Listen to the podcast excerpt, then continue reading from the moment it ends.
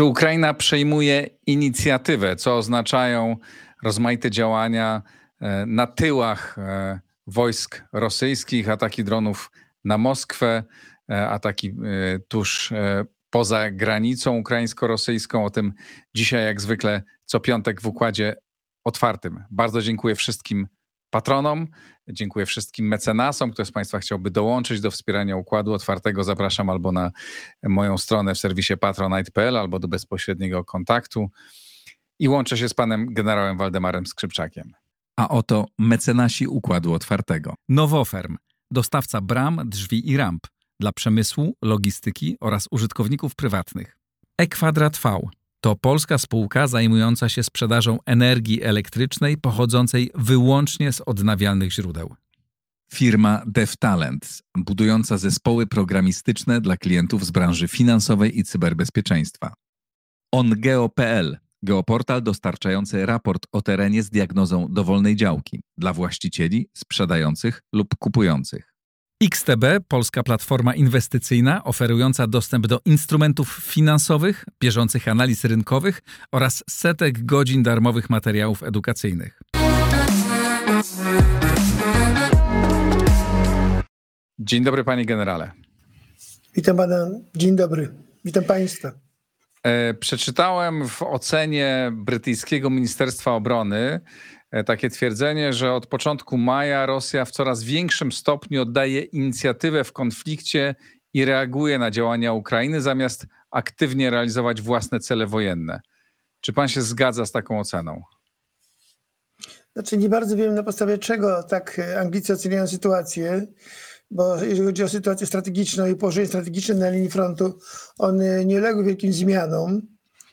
Yy, trzeba zwrócić uwagę, że jednak Rosjanie mimo wszystko atakują na północy, w rejonie Kupiańska cały czas próbują uderzać, na, pół, na wsch, y, zachód od Swatowa cały czas atakują pozycje armii ukraińskiej, prowadzą wzdłuż całej linii frontu praktycznie w wszystkich rejonach używają artylerii, cały czas nieustannie oszczeliwują y, miejscowości po stronie ukraińskiej, pozycje ukraińskie.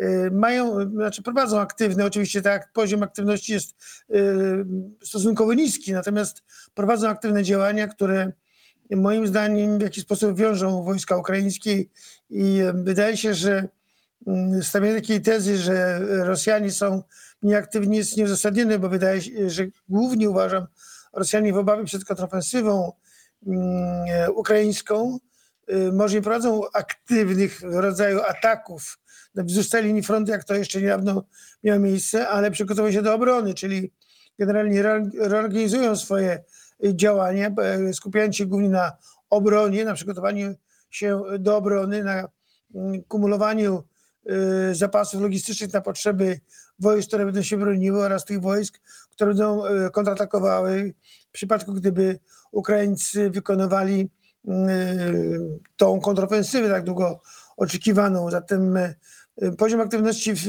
naszym odbiorze, bo nie atakują, nie pod Bachmutem już nie ma takiego, takiej intensywności działań, wcale nie świadczy o tym, że oni, Rosjanie, zmniejszyli swoją aktywność, bo powtarzam, oni skupili się w tej chwili na przygotowaniach obronnych, oni w tej chwili reorganizują się i ja bym był bardzo ostrożny i w takich ocenach, bo moim zdaniem Rosjanie odtwarzają dowody operacyjne.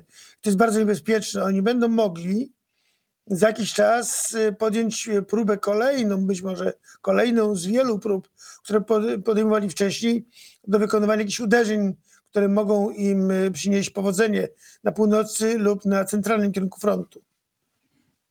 A czy pańskim zdaniem te mm, ataki w pobliżu granicy, te ataki Legionu wolność Rosji, tych e, zbuntowanych e, Rosjan, którzy są po stronie ukraińskiej, czy one mają większe znaczenie i czy one mogą mieć w przyszłości większe znaczenie? Znaczy, wydaje się, że to jest początek tego typu działań i w tej chwili trudno oceniać, jak one się rozwiną, jak czy one się po Rosji rozleją.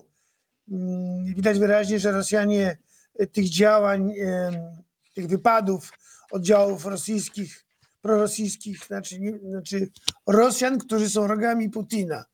E, tak będzie chyba lepiej brzmiało. Tak. Te wypady mocno zakłócają funkcjonowanie e, administracji rosyjskiej. Rosjanie się boją, skierowali wtedy duże siły bezpieczeństwa, które próbują lokalizować, likwidować działanie od e, legionów Rosjan antyputinowskich. I wydaje się, że oni będą, generalnie Rosjanie będą chcieli spacyfikować te działania, żeby nie miały one miejsca, choć widać wyraźnie, że nie radzą sobie na razie dzisiaj z tymi działaniami, bo e, te legiony antyputinowskie co róż uderzają w innym miejscu, pojawiają się tam, gdzie się Rosjanie spodziewają i pewnie tak będzie jeszcze trwało, dopóki Rosjanie nie uszczelnią tego rejonu swoimi siłami specjalnymi, wojskami bezpieczeństwa. Y, cały czas jest nadzieja na to, że liczą na to wszyscy, znaczy my liczymy, Ukraińcy też liczą i ci Rosjanie antyputinowscy, że może to się rozleje na Rosję, ale czy Rosję Zachodnią nie sądzę, natomiast nie wykluczałbym, że takie ruchy mogą mieć miejsce e, w rejonach, gdzie mieszkają e, nie Rosjanie, którzy są e, obywatelami Federacji Rosyjskiej, ale nie są Rosjanami etniczni. W związku z tym ci właśnie liczą na to, że kiedyś na Kremlu mm, władza się zmieni i że będą mogli sięgać po jakiś poziom suwerenności czy, auto, czy autonomii, bo Y, te narody tego zawsze pragnęły, a Rosjanie się nigdy na to nie godzili. I wydaje się, że to, co się dzieje w Wodzie Białgorodzkim jest skierowane i adresowane do, do, tych ludzi, żeby pokazać, że to można robić w Rosji. Być może to będzie taki punkt zapalny, czy może mm, będą początkiem czegoś, tak, będą początkiem czegoś, co stanie się y, jakimś zaczynem może powstania, choć nie bardzo w to wierzę, że powstanie jakieś będzie, ale wydaje się, że na pewno te narody, które nie są e, rosyjskimi, a etnicznie się mocno od Rosjan e, różniącymi, również tymi, które, wśród których są wyznawcy islamu w przewadze, mogą chcieć zupełnie innych warunków do życia, może w innym, w innym państwie, może w innym kształcie. A proszę powiedzieć, czy te, ta wymiana wojsk, do której miało dojść w Bachmucie, e, gdzie wycofywały się, gdzie wycofy, czy mieli się wycofywać, czy już się wycofują Wagnerowcy, czy to już następuje i czy też pojawiły się takie informacje, że mieli ich zastąpić kadyrowcy? Czy to może mieć jakiekolwiek znaczenie większe? Znaczy generalnie rotacja wojsk trwa. Widać wyraźnie, że aktywność e, walk e, się, mm, znaczy tam spadła, ale to wynika właśnie z tego, że trwa rotacja, czyli luzowanie wojsk.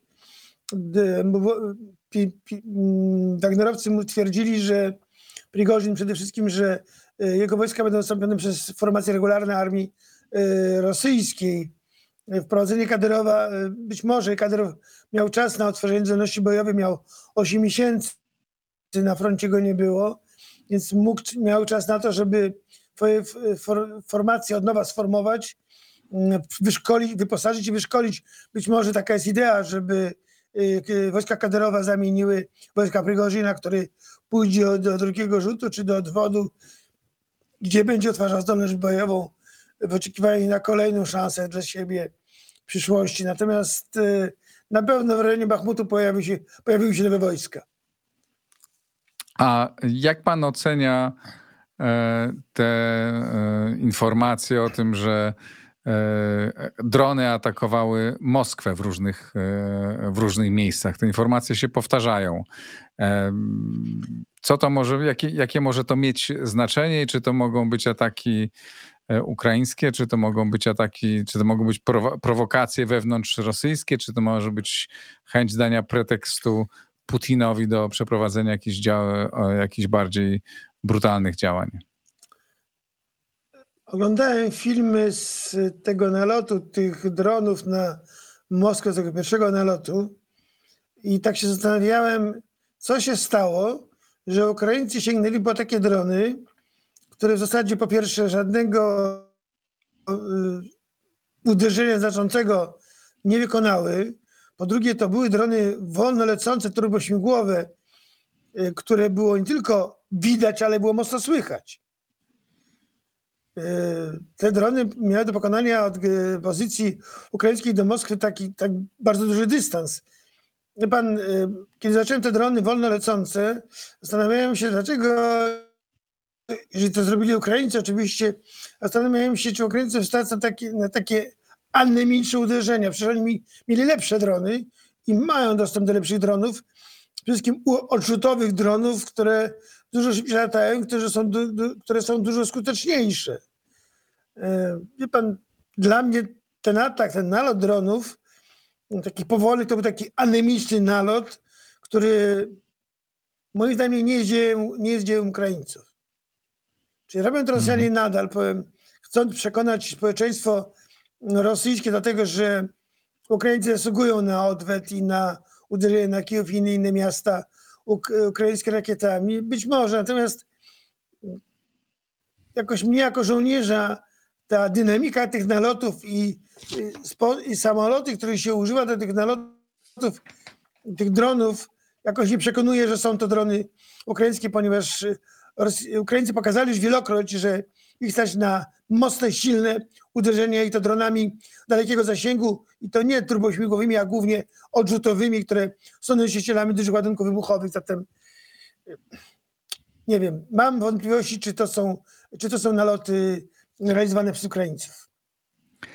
Nie wiem, niemal codziennie dochodzą do nas jakieś informacje o tym, że Ukraińcy poza tą Moskwą, która rzeczywiście ten atak tam wygląda bardzo dziwnie, ale że atakują rozmaite miejsca, czy na terenach okupowanych e, e, w Donbasie, tam w Jurijewce e, wczoraj bodajże e, zaatakowano taką e, e, koszary. W tym ataku miało zginąć 100, 100 żołnierzy rosyjskich. Czy pańskim zdaniem to jest rozsądna taktyka przygotowania do, i przygotowanie do tego właściwego e, głównego ataku, który ma, no nie wiadomo, jakoś nastąpić niedługo. Ważne jest to, że Ukraińcy mają środki do takich ataków, do ataków głębokich, czyli mają środki, które mogą uderzyć na głębokość do 300 kilometrów. I wszystkie cele, które uda się Ukraińcom wykryć, zlokalizować, określić współrzędne, natychmiast wykonują Ukraińcy uderzenie. I to jest przykład, o którym Pan wspomniał, na tylko szarek, gdzie zginęło 100 żołnierzy. Ukraińcy zlokalizowali to miejsce, że w tym miejscu jest pobyt wojsk, że tam są koszary, wykonali bardzo precyzyjne uderzenie e, prawdopodobnie e, tymi pociskami brytyjskimi e, i będą uderzali cały czas. To, co im uda się wykryć, to widać wyraźnie, że Ukraińcy uderzają bardzo precyzyjnie na obiekty, które, których położenie jest potwierdzone przez rozpoznanie, być może przez również wywiad agenturalny, ale mają dokładne współrzędne i mało tego, to uderzają w takim czasie, kiedy to wojsko tam jest, tam się znajduje. Czyli mają bardzo precyzyjne informacje, które pozwalają im wykonywać bardzo precyzyjne uderzenia na armię rosyjską i to wszystko dzieje się w głębi operacyjnej armii rosyjskiej, czyli y, to są uderzenia na obiekty wojskowe, koszary, to są uderzenia na obiekty logistyczne, które zapatrują wojska rosyjskie, y, szczególnie na południe od Zaporoża, czyli w tym, w tym rejonie Zaporoże, e, Hersoń.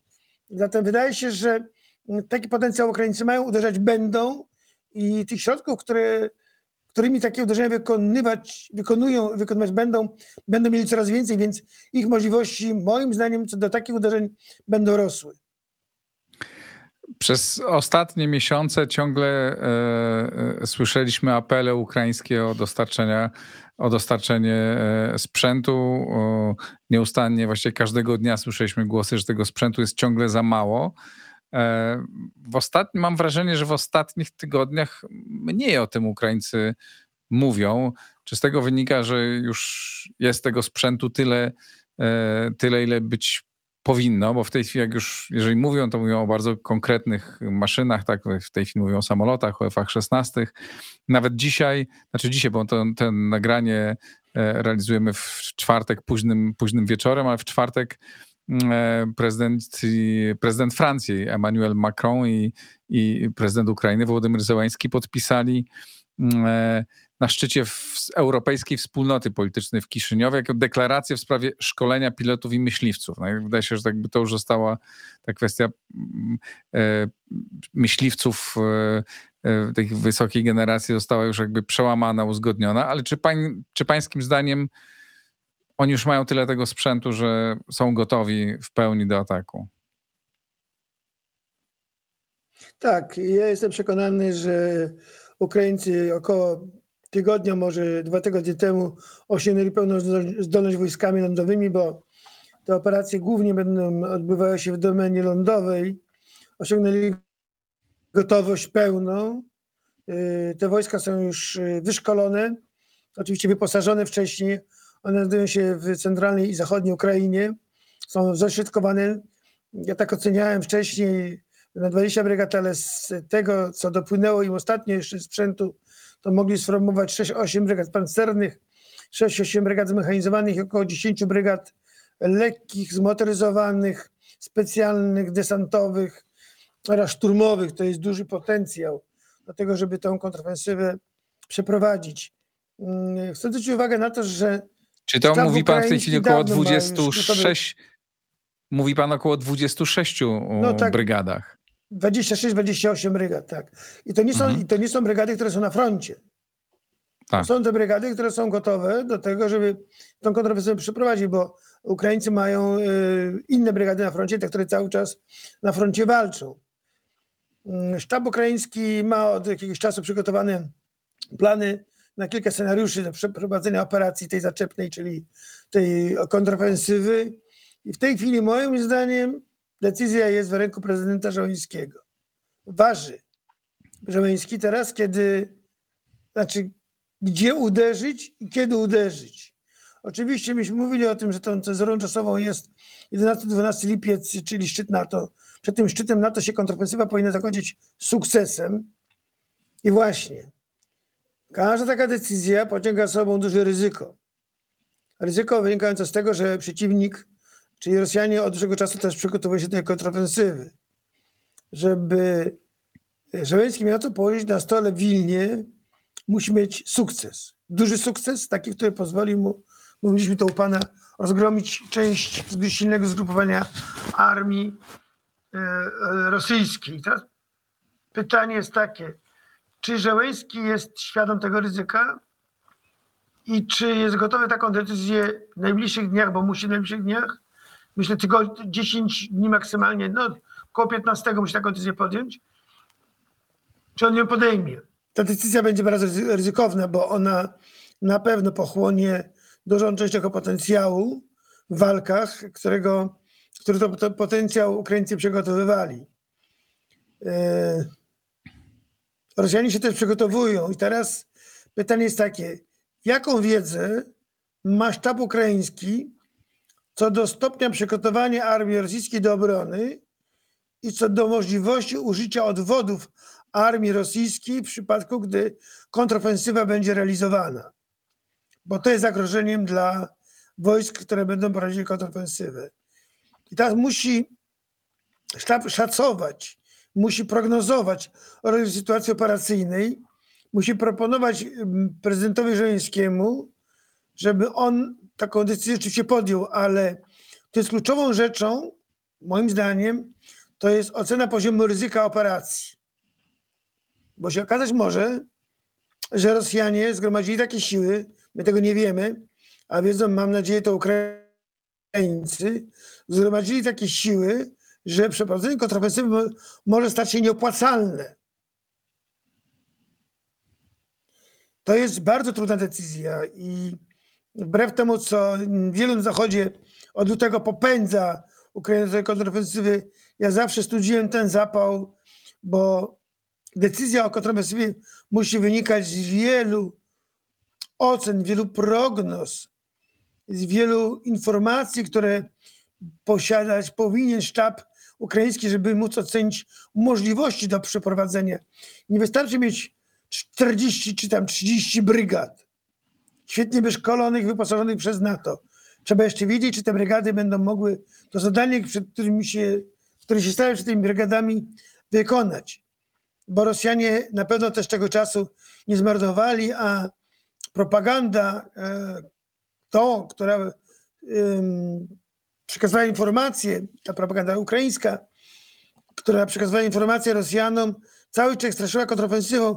Oni się na serio wystraszyli, a jak się wystraszyli, to, to się na pewno do tego przygotowali. I to trzeba wziąć pod uwagę też. I dlatego też mówię, że poziom ryzyka jest duży, ale trzeba jakąś decyzję podjąć. Wszystko jest teraz moim zdaniem w ręku prezydenta Żeleńskiego. Te 26 brygad, o których pan wspomniał, to po pierwsze mam pierwsze pytanie, czy to jest jakby pańska, na, mówi to na podstawie analizy, nie wiem, wiedzy o tym takiej publicznej, którą mamy o sprzęcie, który tam jedzie, czy to jest wiedza, którą pan ma tam od tamtejszych e, źródeł na, na miejscu? Na To ile jest to jest pierwsze- analiza, na ile to jest wiedza? Po pierwsze, ilości sprzętu. Yy, Te rozmowy, które są czasami telefoniczne, one dla cywila są bardzo lakoniczne, a dla żołnierza pełne treści. Nie ma tam informacji takich, ile jest brygad, ile czołgów i tak dalej, bo my mm, tak, po, po takie informacje nie powinniśmy nawet sięgać. To nam jest niepotrzebne. Natomiast e, optymizm i duch bojowy, który tchnie od kolegów, to świadczy o tym, że oni ten poziom zdolności osiągnęli wysoki. Tak jak panu powiedziałem, że z lakonicznych rozmów między wojskowymi można wyciągać wiele, wiele wniosków. Cywil czasami takich treści, cywil nie widzi w tym treści, wojskowy widzi treść. W związku z tym wydaje się, że e, ta ilość sprzętu, którą otrzymali Ukraińcy pozwoliła im po pierwsze te brygady przygotować, ale też Ukraińcy część sprzętu musieli skierować na front. Także nie wszystek sprzęt jest w tych brygadach, o których mówimy, ale część sprzętu musiała iść na front, żeby Ukraińcy mogli skutecznie odpierać ataki armii rosyjskiej, które są no, nieustanne, chociażby na północy. Czy te 26 brygad, mniej więcej załóżmy, że tyle ich jest, to jest pańskim zdaniem wystarczająca ilość do tego, żeby e, móc pokusić się o przeprowadzenie skutecznej, e, e, skutecznej ofensywy, czy, czy tego powinno być więcej? Mm, Jak pan sądzi? Pan, więcej to na pewno nie będą mieli Ukraińcy, bo już więcej zmobilizować wojska nie mogą. Mhm. Mają problem z mobilizacją i o tym się mówi coraz głośniej, że mają coraz mniej ludzi do tego, którzy mogliby trafić na front. I to jest chyba główny problem, przed którym stoją Ukraińcy. Te, wyzwanie, które, z którym muszą się zderzyć Ukraińcy, będą musieli sięgać po ludzi, którzy są poza granicami Ukrainy. Natomiast e, moim zdaniem, e, panie redaktorze, ryzyko bym, jak ja bym dowodził, takie ryzyko bym podjął. I przeprowadziłbym operację oczywiście poprzedzoną kilkoma pewnie jakimiś działaniami, jakimiś operacjami, które miałyby przede wszystkim y, zmylić Rosjan co do planowanego zamiaru tej operacji. Front jest długi. Ukraińcy mają możliwość, żeby takie działania mylące, pozorne zacząć prowadzić, które by Rosjan zmyliły co do przebiegu, co do kierunku i czasu uderzenia. Ale jeżeli Ukraińcy myślą o tym, żeby mieć argumenty w tych rozmowach pokojowych, o których się coraz głośniej mówi, a myśmy mówili o tym w marcu u pana, że to już się dzieje za kulisami. Te kulisy powoli, y, ta kurtyna powoli opada i słychać coraz głośniej o tym, że coraz więcej uczestników tych rozmów mm, bierze udział w tych rozmowach. A zatem wydaje się, że mm, takie ryzyko trzeba podjąć, tylko powtarzam, trzeba przeprowadzić może inaczej. Na pewno Rosjan trzeba zaskoczyć. To po pierwsze. Po drugie, trzeba Rosjan zmylić. I cała ta operacja, cała kon- kontrofensywa musi być poprzedzona kilkoma operacjami mylącymi co do kierunku, co do czasu uderzenia, co do zamiaru Ukraińców, bo takie frontalne uderzenie na armię rosyjską mogą przynieść e, Ukraińcom duże straty, a Ukraińców na ponoszenie dużych strat nie stać. A jaki może być dzisiaj realistyczny cel e, tej kontrofensywy? Co pańskim zdaniem jest e, realnie do osiągnięcia, mając takie zasoby, jakie mają dzisiaj Ukraińcy?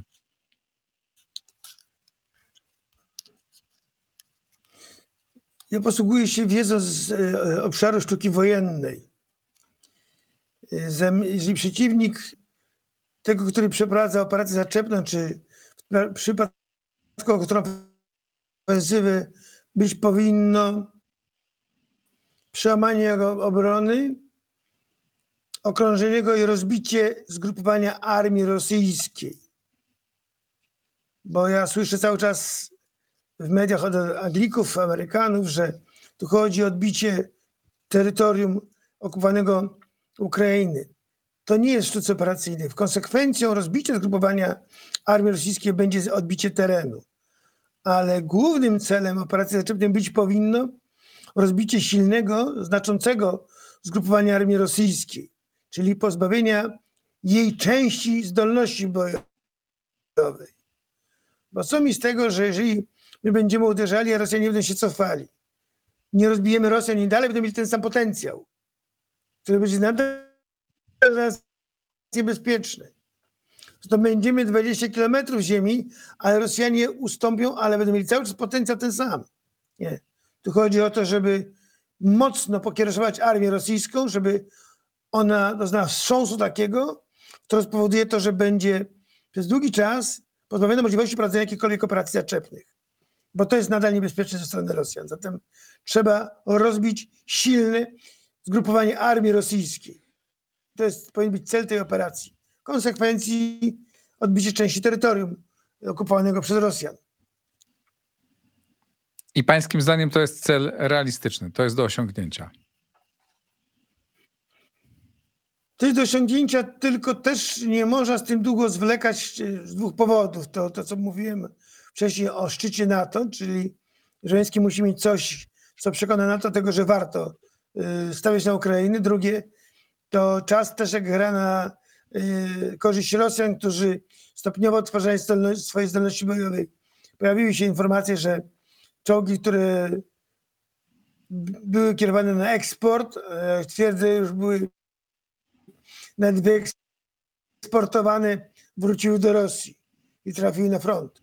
Do odwodów operacji wywiad też, być może wywiad wie, ale pojawienie się nowych czołgów, te 90 w ilości większej niż są możliwości produkcyjne fabryk, budzi niepokój, że część czołgów, które były gdzieś sprzedane kiedyś komuś, wróci, została może odkupiona za ropę, za cokolwiek, za gaz i wróciła do, do Rosji. Stąd Rosjanie odtwarzają swoje zdolności i, i proszę zauważyć, że był taki okres kryzysu, kiedy Rosjanie wykonywali dużo mniej ataków, z mniejszą częstotliwością, z mniejszą ilością rakiet na, na miasta ukraińskie, a teraz ilość tych ataków rośnie.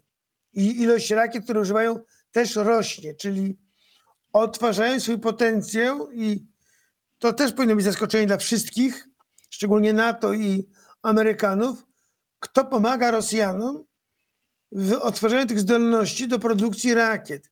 Skąd mają komponenty do tego wszystkiego, bo, bo Rosjanie jej zapasów nie mają, to wszystko jest w bieżącej produkcji. Widać, że ta produkcja jest jednak dynamiczna i to jest powód do myślenia wszystkich tych, którzy wierzą w sankcje. Ja już przestałem w nie wierzyć. Rozumiem. E, panie generale, e, nie wiemy, czy to nastąpi w najbliższym tygodniu, czy w najbliższych dwóch tygodniach, ale będziemy dalej o tym rozmawiać. E, bardzo panu dziękuję dzisiaj. Życzę dobrego weekendu. Dziękuję bardzo. Dziękuję bardzo Wzajemnie państwu. Państwu życzę panu również wszystkiego dobrego. Dziękuję bardzo. I państwu życzę dobrego, spokojnego weekendu. Do zobaczenia, do usłyszenia w kolejnych odcinkach. Pozdrawiam serdecznie.